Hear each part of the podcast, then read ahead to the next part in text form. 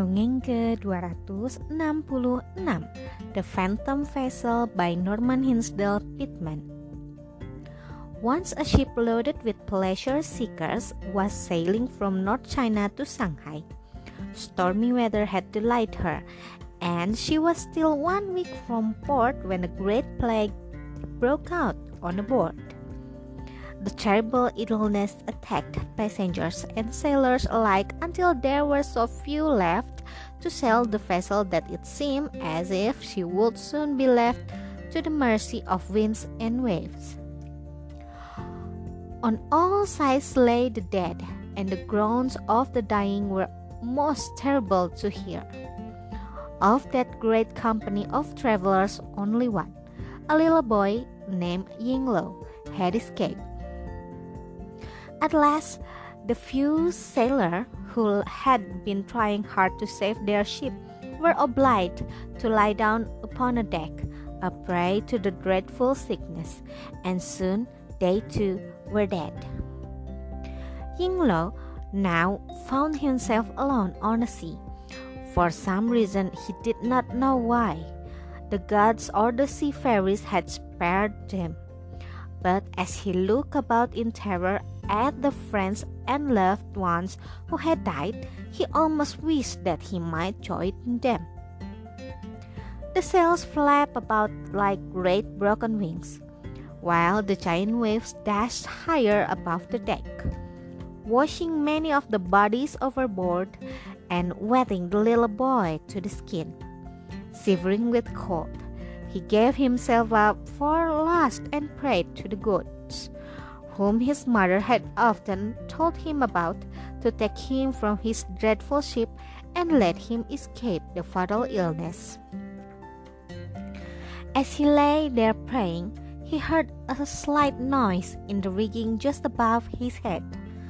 Looking up, he saw a ball of fire running along a yardarm near the top of the mast. The sight was so strange that he forgot his prayer and stared and stared with open-mouthed wonder. To his astonishment, the ball grew brighter and brighter and then suddenly began slipping down the mast, all the time increasing in size. Nearer and nearer came the fireballs. At last, when it reached the deck, to Yinglo's surprise, something very, very strange happened. Before he had time to feel alarm, the light vanished, and a funny little man stood in front of him, peering anxiously into the child's frightened face. Yes, you are the lad I'm looking for, he said at last, speaking in a piping voice that almost made Yinglo smile. You are Yinglo, and you are the one only left of this wretched company.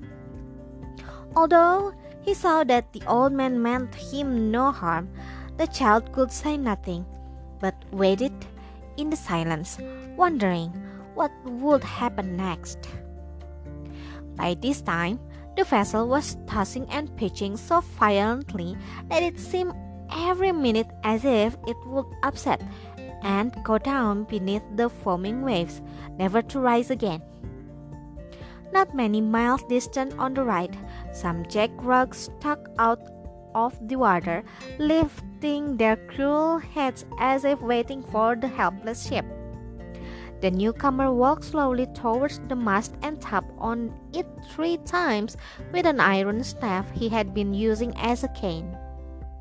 Immediately, the sail spread, the vessel righted itself, and began to glide over the sea so fast that the girls were soon left far behind. While the threatening rocks upon which the ship had been so nearly dashed seemed like specks in the distance. Do you remember me? said the stranger, turning and coming up to Yinglo, but his voice was lost in the whistling of the wind, and the boy knew only by the moving of his lips that the old man was talking. The gray beard came close and whispered to Yinglo, Did you ever see me before? With a puzzled look, at first the child shook his head. Then, As he gazed more closely, there seemed to be something that he recognized about the wrinkled face. Yes, I think so, but I don't know when. With a tap of his staff, the fairy stopped the blowing of the wind and then spoke once more to his small companion. One year ago, I passed through your village. I was dressed in rags and was begging my way along the street, trying to find someone who would feel sorry for me. Alas, no one answered my cry for mercy. Not a crust was thrown into my bowl. All the people were deaf, and fierce dogs drove me from door to door. I was almost dying of hunger when I began to feel that here was a village without one good person in it. Just then, you saw my suffering and brought me out food. You heartless mother saw you doing this and beat you cruelly. Do you remember now, my child? Yes, I remember, he answered sadly. And my mother is now lying dead. All are dead, my father and my brothers too. Not one is left of my family. Little did you know, my boy, to whom you were giving food that day, you took me for a lowly beggar, but behold, it was not a poor man that you fed, for I am Iron Staff. You must have heard of me when they were telling of the fairies in a western heaven, and of their adventures here on earth. Yes, yes, answered Yingluo, trembling half with fear and half with joy. Indeed, I have heard of you many, many times, and all the people love for you for your kind deeds of mercy. Alas, they did not show their love, my little one. Surely you know that if anyone wishes to reward the fairies for their mercies, he must begin to do deeds of the same kind himself. No one but you in all your village had pity on me in my rags. Yingluo listened in wonder to Iron Staff, and when he had finished, the boy's face was glowing with the love of which the fairy had spoken. My poor, poor father and mother, he cried. They knew nothing of these beautiful things you are telling me. They are brought up in poverty, as they were knocked about in childhood by those around them. So they learn to beat others who beg them for help. Is it strange that they did not have hearts full of pity for you when you look like a beggar? But what about you, my boy? You are not deaf when I ask you. Have you not been whipped and punished all your life? How then did you learn to look with love at those in tears? The child could not answer, but looked sadly at Ironstaff. Oh, ah, can you not, good fairy, restore my parents and brothers and give them another chance to be good and useful people? Listen, Yingluo, it is impossible unless you do two things first, he answered, stroking his beard gravely and leaning heavily upon his staff. What are they? What must I do to save my family? Anything you ask of me will not be too much to pay for your kindness. First, you must tell me of some good deed done by these people for whose living you are asking. Name only one, for that will be enough. But it is against the rules of the fairies to help those who have done nothing. Yingluo was silent and for a moment his face was clouded. Yes, I know, he answered, brightening. Last year, when the foreigner rode through our village and fell sick in front of our house, they cared for him. How long? asked the other sharply. Until he died the next week. And what did they do with the mule he was riding, his bed, and the money in his bag? Did they try to restore them to his people? No, they said they'd keep them to pay for the trouble. Yingluo's face turned scarlet.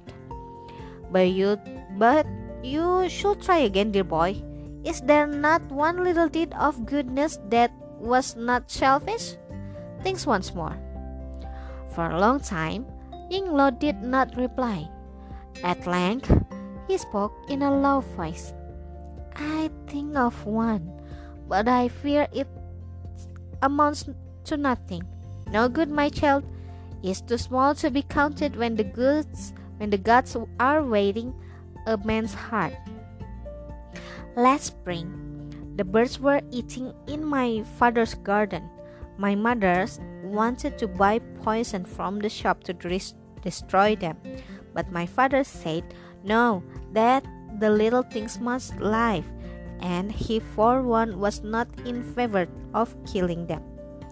At last, Yinglo, you have named a real deed of mercy, and as he spared the tiny birds from poison, so shall his life and the lives of your mother and brothers to be restored from the deadly plague. But remember, there is one other thing that depends on you. Yinglo's eyes glistened gratefully. Then, if it rests with me and I can do it, you have my promise. Very well, Yinglo. What I require is that you carry out to the letter my instructions. Now, it is time for me to keep my promise to you. So saying, Iron Staff called on Yinglo to point out the members of his family and approaching them one by one with the end of his iron stick he touched their foreheads. In an instant each, without a word, arose, looking round and recognizing Yinglo. They stood back, frightened at seeing him with the fairy. The iron staff beckoned all of them to listen. This they did willingly, too much terrified to speak for they saw all for they saw on all sides signs of the plague that had swept over the vessel, and they remembered the frightful agony they had suffered in dying. Each knew that he had been lifted by some magic power from the darkness into light. My friend, began the fairy. Little did you think when less than a year ago you drove me from your door that soon your, you yourself will be in need of mercy. As you look back through your wicked lives, can you think of any reason why you deserve this rescue? No, there is no memory of goodness in your black hearts. Well, I shall tell you. It is this little boy, this Yinglo, who many times has felt the weight of your wicked hands and has hidden in terror at your coming. To him alone you owe my help. If at any time you treat him badly and do not heed his wishes, mark you well my words. By the power of this magic staff which I saw placed in his hands, he may enter at once into the land of the fairies, leaving you to die in your wickedness. This I command him to do, and he has promised to obey my slightest wish. This plague took you off suddenly and ended your wicked lives. Yinglo has rescued you from its grasp, and his power can lift you from the bed of sin. No other hand can his can bear the road which I am leaving. If one of you but touch it, instantly he will fall dead upon the ground. And now, my child, the time has come for me to leave you. First, however, I must show you what you are now able to do. Around you lie the corpses of the sailors and passengers. Tap three times upon the mast and wish that they shall come to life. So, saying he handed Yinglo the iron staff. Although the magic rod was heavy, the child lifted it as if it was a fairy wand. Then, stepping forward to the mast, he rapped three times as he had been commanded. Immediately, on all sides arose the bodies, once more full of life and strength. Now, command the ship to take you back to your home port, for such sinful creatures as these are in no way fit to make journey among strangers. They must first return and free their homes of sin. Again, rapping on the mast, the child wheeled the great vessel to take its homeward course. No sooner had he moved the staff than the boat swung round and started on the return journey. Swifter than a flash of lightning it flew, for it had become a fairy vessel. Before the sailors and the travelers could recover from their surprise, land was sighted and they saw they were entering the harbor. Just as the ship was darting toward the shore, the fairy suddenly changed into a ball of fire which rolled around the deck and ascended the spars. As it reached the top of the rigging, it floated off into the sky, and all on board watched it until it vanished. With a cry of thanksgiving, Yinglo flung his arm about his parents and descended with them to the shore. Sekian, terima kasih telah mendengarkan. Selamat malam.